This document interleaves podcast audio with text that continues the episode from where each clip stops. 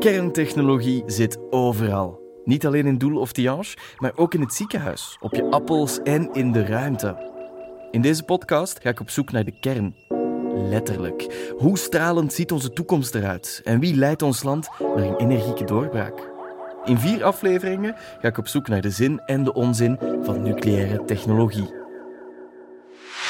In deze aflevering gaan we van bizarre beestjes in een Brussels labo tot in een ruimtedorp op de maan.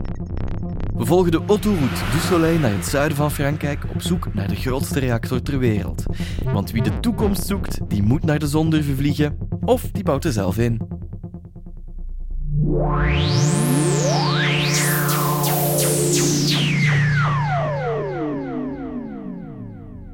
Kosmische straling is een uh, mix van verschillende soorten straling. Die komen van de zon, de zonnevlammen, van de galaxie en ook van de sterren. Er zijn straling die gevaarlijk zijn en die, voor, voor mensen en andere die minder gevaarlijk zijn. Hier spreken we over kosmische straling echt in diepe ruimte en niet, uh, niet echt op de aarde.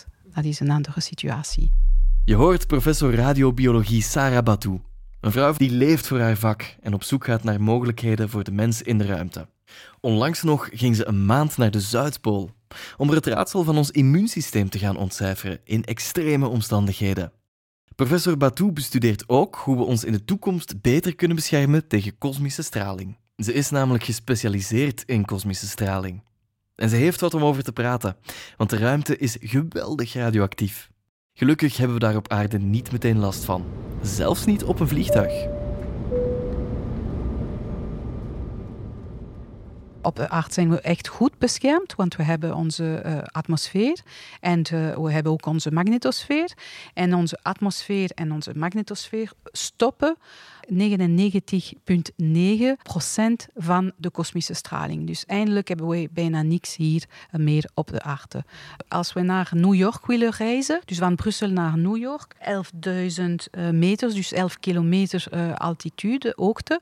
De doos dat we zouden krijgen voor een transatlantische uh, vlucht zou met precisie 0,032 millisievert. En dat is een equivalent aan een, een radiografie, panoramische tand radiografie. Dus het is, uh, het is een hele lage blootstelling. Dus het heeft geen impact op de, op de gezondheid.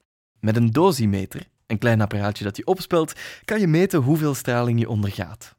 Zo houden ze ook in de gaten aan hoeveel straling luchtvaartpersoneel wordt blootgesteld. Want 20 millisievert per jaar is de limiet. Maar al vlieg je 600 keer op en neer naar New York, dan kom je nog niet aan die maximale dosis.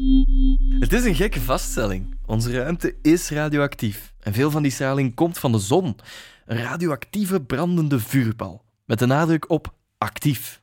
Als we naar de zon kijken met een uh, telescoop, we zien dat de zon continu uh, een enorme grote activiteit heeft en verandert van activiteit. Hè. Uh, het is niet iets die geen licht, het, is, het imiteert enorm veel straling en continu. En soms nog veel, veel meer op bepaalde momenten. soms hebben wij zonnevlammen die een enorme grote niveau van straling kunnen geven van voor een paar dagen. Dus het bedoelt dat tijdens die moment, die periode, uh, de astronauten die in de ruimte zouden zijn, ook op de ruimtestation, de internationale ruimtestation, moeten echt in de beschermde deel van de ruimtestation gaan zitten voor een paar uur of een paar dagen, want die, uh, die impact is enorm groot als ze niet beschermd zijn. Dat komt regelmatig, een paar keer per jaar. En, uh, en dan kan het tot 1000 keer meer straling dan op de aarde. In één keer uh, voor een paar minuten, een paar uren. En, uh, en dat is echt gevaarlijk. Er zijn drie plekken binnen de ruimtestation waar de astronauten kunnen gaan en die echt beschermd zijn en waar ze, ze hebben de beste bescherming tegen, tegen de zonnevlammen. Zoveel straling dat astronauten zich ervoor moeten verstoppen, dat kan niet gezond zijn voor een mens. Dus de kosmische straling zijn niet uh, goed voor de gezondheid. En zeker voor astronauten die zouden naar de maan of naar uh, Mars. Kosmische straling heeft uh, een specifieke impact op de gezondheid en op de cellen en op de DNA. Dus op de genen en op de genomen van, van de cellen. En, en het is heel moeilijk voor de cellen, voor de menselijke cellen, te herstellen de DNA-schade die komt van de kosmische straling. Het neemt veel meer tijd. Uh, het is niet zeker dat de, de, de schade echt goed hersteld, hersteld is. En als de DNA-schade niet zo goed hersteld is, dan is er een risico dat er mutatie is. En kanker is een accumulatie van mutaties. Dus de meer mutaties we hebben, uh, de hogere risico om kanker te ontwikkelen. Dus voor astronaut, ik zou zeggen, op de ruimtevaartstation, uh, momenteel, om 300 kilometer van, uh, van de aarde, is er niet zoveel problemen van straling.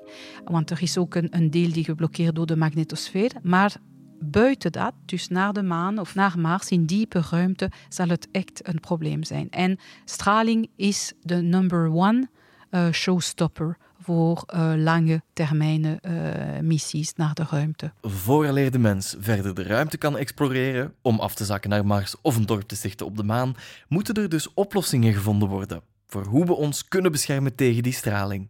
En het is dat vraagstuk dat professor Batou dagelijks bezighoudt. Een dorp op de maan uh, waar astronaut kunnen blijven voor een paar maanden en waar ze expedities uh, doen en, en de maan exploreren en uh, monsters uh, nemen en analyse doen. Dus daar zullen ze ook veel meer blootgesteld, een hogere dosis.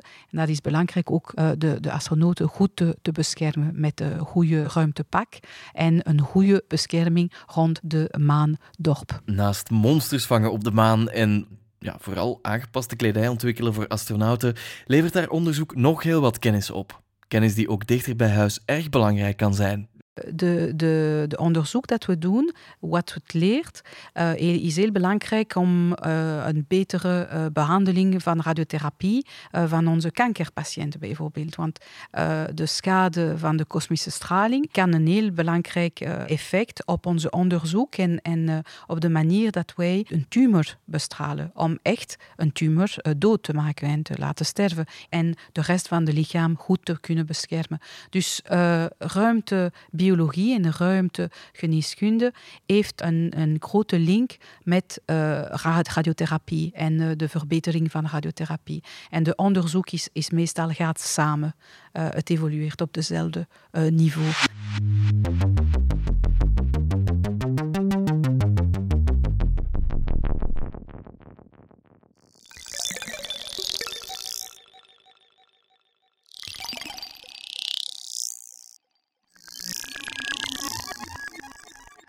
Zijn echt minder dan een millimeter. Dus je moet echt wel een microscoop of een binoculair hebben om ze te zien. Want ze zijn echt heel, heel klein. Dus in mijn labo bekijken we die allemaal onder de microscoop. Dit is professor Karin van Donink. Ze is professor aan de Universiteit van Namen en aan de ULB, waar ze een eigen laboratorium leidt. Ze staat internationaal bekend als het brein achter baanbrekend onderzoek naar hele bizarre diertjes. Diertjes die je amper kan zien, maar die een opvallend uiterlijk hebben. Zij dragen eigenlijk wieltjes op hun hoofd vol haartjes, die heel de tijd draaien en die het eten naar hun mond brengen. Dus daarom zijn raderdiertjes heel herkenbaar door die draaiende kroontjes met haartjes op hun hoofd. En dan ter hoogste van hun verteringssysteem, iets onder de mond, vinden we die mastax. Mastax zijn eigenlijk van die tanden waarmee ze hun voedsel malen. Raderdiertjes of rotifera heten ze. Bizarre, doorschijnende diertjes met een kroontje, twee korte antennes, soms wel vijf ogen en een lijf dat zich voorbeweegt als een accordeon. Ze zien er niet alleen raar uit, ze hebben ook nog eens een paar opvallende talenten. Ze kunnen overleven in de meest extreme omstandigheden. Je kan ze invriezen, verhitten en extreem uitdrogen zonder dat ze een kick geven. De soort die wij in het labo onderzoeken leven 30 dagen, maar op elk moment van hun leven kunnen we ze uitdrogen. Op dag 7 bijvoorbeeld drogen we ze uit. We kunnen ze dagen, jaren droog bijhouden. We kunnen ze in de diepvries steken tot min 80 graden. Als we water toevoegen, leven die verder. Dat is een uitzonderlijk kenmerk. Heel weinig dieren kunnen zich volledig uitdrogen. En als ik zeg volledig, dan is er ook geen water meer in hun cellen en hun metabolisme is volledig stil. En we hebben ontdekt dat dankzij het kunnen uitdrogen, op elk moment zij ook heel resistent zijn tegen hoge ioniserende stralingen. Dus hoge dosissen van ioniserende straling, die eender welk ander dier of cel zou kapotmaken, raderdiertjes overleefden. Raderdiertjes kunnen dus iets waar geen enkel ander organisme op aarde toe in staat is: zich beschermen tegen die ioniserende radioactieve straling. En dat gegeven bracht professor Van Donink op een idee. Als die diertjes hier op aarde tegen die straling kunnen, kunnen ze dan ook zonder problemen tegen die kosmische straling in de ruimte? En in 2016 hebben we ons eerste project binnengehaald van de European Space Agency om die rotiferen eigenlijk naar de ruimte te sturen. Om te begrijpen, ten eerste, hoe, hoe resistent zijn die ten opzichte van verschillende soorten ioniserende straling. We hebben aangetoond dat ze heel resistent zijn tegen proton, tegen X-ray, tegen zelf um, ijzerpartikels. Dus dat is echt ioniserende straling die het genetisch materiaal compleet kapot maakt. Nu bestuderen we eigenlijk hoe herstellen ze dat genetisch materiaal en herstellen ze wel perfect of ontstaan er toch fouten? En die fouten is misschien heel belangrijk voor hun evolutie, omdat we weten dat uiteindelijk variatie belangrijk is voor hun evolutie. De reactie van de kleine diertjes op de kosmische straling kan op die manier een pak antwoorden opleveren op andere vragen. Ook een heel belangrijke vraag binnen die project in de ruimte, European Space Agency, is als ze astronauten naar de ruimte sturen, dan zitten astronauten op ISS, en zeker als ze naar Mars en de maan willen, dan zitten ze in microgravitatie en dan is er een hogere kosmische straling dan op aarde. Dus die, daarom zijn rotiferen een heel belangrijk modelorganisme. Die kunnen heel hoge stralingen aan. Dus als we de gevolgen willen begrijpen van kosmische straling op levend organisme, dan is de rotifer een perfect model. Eigenlijk zijn we allemaal hetzelfde. Een mens, een bacterie, een virus, een plant, een paddenstoel, een dier zijn gemaakt uit hetzelfde genetisch materiaal. Allemaal. Dus een rotifer kan perfect nabootsen wat er op een, cel, op een mens gebeurt. Want elke cel van rotifer bestaat uit hetzelfde genetisch materiaal, type genetisch materiaal, dezelfde organellen als een mens. Dus dat is heel interessant en dat is een veel makkelijker model om te bestuderen. Om te weten welke effecten straling heeft op onze astronauten, moeten we dus onderzoeken hoe die straling impact heeft op de raderdiertjes. Binnenkort vertrekt er weer een lading raderdiertjes op uitstap naar ruimtestation ISS, om misschien op die manier in de toekomst veilige missies into space te garanderen. Op zich is professor Van Doning niet bezig met die uiteindelijke toepassing. Als fundamenteel onderzoekster wil ze vooral kennis vergaren. Kennis die ons toch heel wat kan opleveren, ook in bijvoorbeeld kankertherapie. In uh, kanker wordt protontherapie toegepast. Protontherapie is eigenlijk protonradiatie gericht op kankercellen. Natuurlijk moet je zorgen dat je daar rond de gezonde cellen niet te veel beschadigt. Rotiferen die kunnen eigenlijk protonradiatie heel makkelijk aan. Dus welke moleculen, opnieuw, we komen tot die moleculen die hun beschermen tegen protonradiatie. Niet alleen hun DNA, maar die hebben ook moleculen die hun proteïne beschermen. En dus ook die proteïnen die kritisch zijn om je DNA te herstellen. Misschien onrechtstreeks wel antwoorden bieden aan hoe komt dat zij zo resistent zijn tegen protonradiatie die in protontherapie wordt gebruikt. En misschien kunnen we daar moleculen uit gebruiken die dan van toepassing zijn om gezonde cellen te beschermen tegen protontherapie. Zelfs nu er al duizenden raderdiertjes onder haar loep zijn gepasseerd, verveelt het daar geen moment. Het jarenlange onderzoek van professor Van Donink kan enorm belangrijk zijn voor onze toekomst. En die toekomst die is ook bij de professor zelf meer dan verzekerd. Als u kijkt op de bureaus van mijn kinderen, hebben, we allemaal, hebben ze allemaal microscopen. Als we op vakantie gaan, pakken we altijd mossen en korstmossen mee, want daar leven die. Ik heb altijd plaatjes thuis. Uh, in mijn labo zijn er heel veel. Maar natuurlijk, ik ben minder en minder in het labo. Dus ik heb ze heel lang, tijdens mijn postdoc op Harvard University, heb ik ze heel veel bekeken, dagelijks. Heel veel. Um, ik heb er duizenden onderzocht. Nu is het vooral mijn team. Dus het is niet meer dat ik ze dagelijks zie, maar ik zie ze zeker nog ja, elke maand.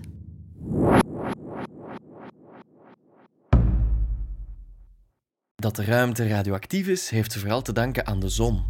De zon is met haar straling de grootste bron van radioactiviteit in de ruimte. Het is één grote radioactieve vuurbal die licht en warmte het universum instuurt, waardoor wij hier op aarde kunnen rondlopen. Fusion is the process that powers our sun and all the stars, and that's been going on for millions of years.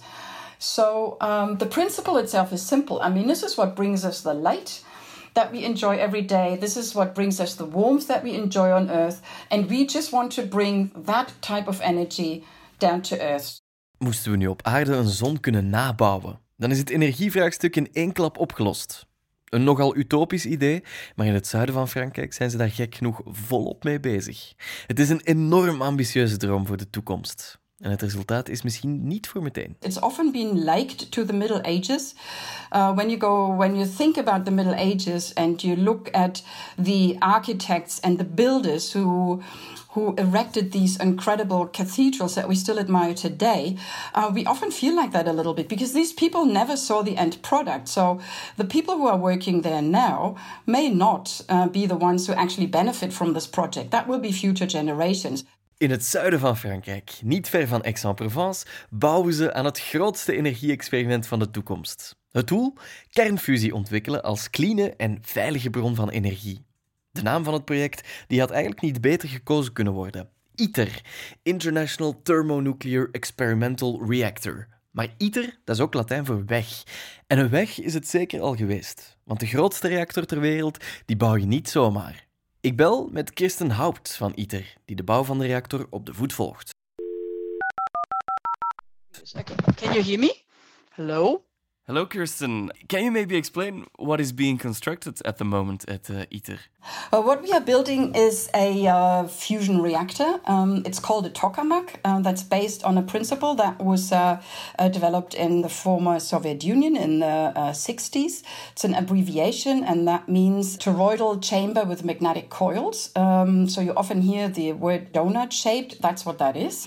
And we are building a research device to find out how fusion works and whether we can make it work. Mm. That's the task of ITER, the, the primary task of ITER, to develop that type of energy to make it uh, hopefully um, a reliable and uh, effective source of energy for the future. Okay, and when we will know if fusion power works? That's a good question. Um, this is an experiment. It's a scientific experiment. So um, we are at the moment in the phase of assembling uh, the reactor. Um, and uh, by 2025, uh, we will uh, have uh, um, a first big, big milestone. This is where we are initiating uh, the plasma in the machine. The plasma is the environment in which the fusion reaction takes place.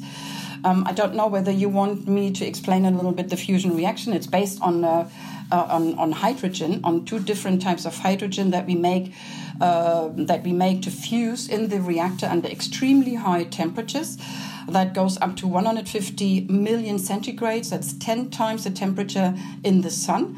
And as you can imagine, there is no material in the universe that can actually manage these kind of temperatures. So what we are building around it is a magnetic cage. Gloeiend heet plasma dat warmer is dan de zon. En dat proces moet op termijn energie opwekken. Niet makkelijk. Het plasma wordt zo heet dat dat elk bestaand materiaal meteen zou doorbranden. Om dat tegen te gaan gebeurt alles in een magnetische kooi. En die magneten moeten de grootste en de krachtigste magneten worden die er ooit zijn gemaakt. Met een kracht van 13 Tesla. To give you an image to imagine how much that is, scientists have made a calculation. That central solenoid, that giant magnet, could theoretically lift an aircraft carrier out of the water. It's that powerful. Een hete brei plasma bijeengehouden in een magnetisch veld. Allemaal om die kernfusie mogelijk te maken. Een actie waarbij waterstofelementen met een enorme snelheid tegen elkaar worden geschoten om een reactie te genereren. In that reaction, helium gets created, which is the next higher element. And there is one neutron over, left over, and that neutron is leaving basically that reaction at extremely high speed. This neutron is so energetic that if it leaves from the device unhindered without any obstacle, it could reach the moon in eight seconds. Now, that is really a lot of energy that we want to capture. Het magnetische veld van die zogenaamde donut houdt bepaalde neutronen helemaal niet tegen. Maar net daarin schuilt het succes van ITER. Want de energie van die rondspringende neutronen zet een heel proces in gang. So how do we capture this kind of energy? The neutrons, by their name, they're neutral. They don't carry a charge, so they will not be stopped by the big magnets that surround the device. They, these magnets don't have an impact on these neutrons. So the neutrons, they just get out. Okay, so we have on the inside of the vacuum chamber, we have uh, um, components that will be hit by these neutrons. So the inside wall will be hit by these neutrons and it will heat up. Mm. So that heat then will be taken up by water that runs in pipes uh, in between the walls of this chamber. And the water is um, run there under high pressure. Uh, so that it can heat up higher than normal water. Normal water heats up to 100 degrees Celsius. This water is under pressure, so it's pressurized water, and it can take temperatures up to 140 degrees. So we are taking more energy out. And after that, um, at ITER, um, we take that energy in the way of uh, uh, uh, heat, we take it off, um, and we successively cool it down. We are not doing anything with this. Um, ITER is an experiment. We do not have a setup to create electricity. Van energie naar hitte. Een belangrijke stap om de energie om te zetten in iets waarmee wij onze telefoon kunnen opladen. Of onze waterkoker mee aan kunnen drijven. De energie van de rondspringende neutronen levert hitte op, die dan weer water doet koken. Maar zeg niet zomaar water tegen water. Okay, and and the hot hot water is actually all that ITER will be creating, basically. Hot water is all what most power plants create. If you look at other power plants, um, uh, it's um, you look at nuclear power plants, you look at coal uh, uh, coal-based power plants. They they basically heat water, and uh, the steam from the hot water is what runs turbines and generators. So the principle after the uh, fusion setup, after the fusion reactor, after that is basically like a normal power plant. Het gaat nog even duren voor ITER echt draaiende is. Maar dat het een ambitieus project is, dat is wel duidelijk. Een enorm internationaal project ook, met meer dan 33 landen die samenwerken. En met zelfs een Belgisch element. Want het plasma, dat ervoor moet zorgen dat de hitte ontstaat, die wordt mee ontwikkeld op de militaire school in Brussel. Christel Combé is professor gespecialiseerd in plasmafysica aan die militaire school en die weet er alles van. Bij de militaire school in, in Brussel uh, concentreren ze zich vooral op de verhitting van plasma's en de verhitting met een speciaal soort golven, een beetje vergelijkbaar zoals microgolven, het water verwarmen in voedsel. Zo op die manier verwarmen wij de ionen in die soep uh, van uh, deeltjes.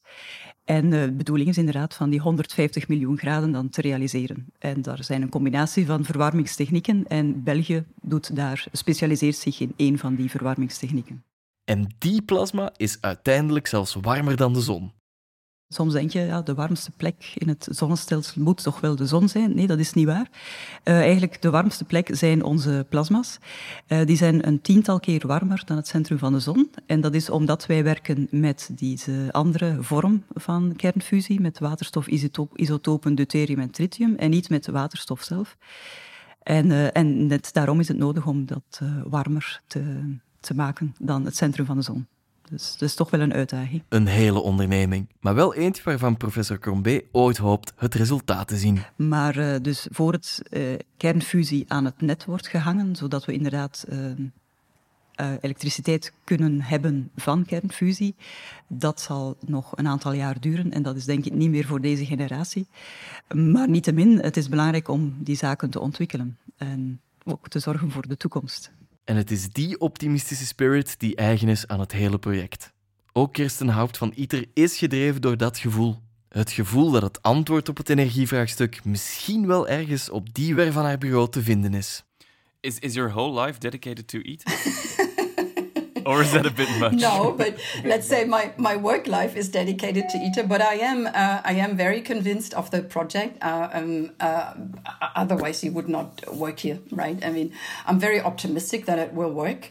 Um, and I think it's just necessary that we do that. I mean, look at where we are right now on, in the world. Uh, the world population is increasing rapidly. Uh, um, there is a prediction that in the next 30 years, energy demand is going to double this energy has to come from somewhere. Mm. So, what we are thinking for the future is that fusion could provide the so called base load for energy uh, supplies, and an energy source that's always available, and that. Um, uh, by future developments can be scaled to the demands um, in various areas in terms of size of the machine and the number of the machines necessary for certain settings in certain countries in the world.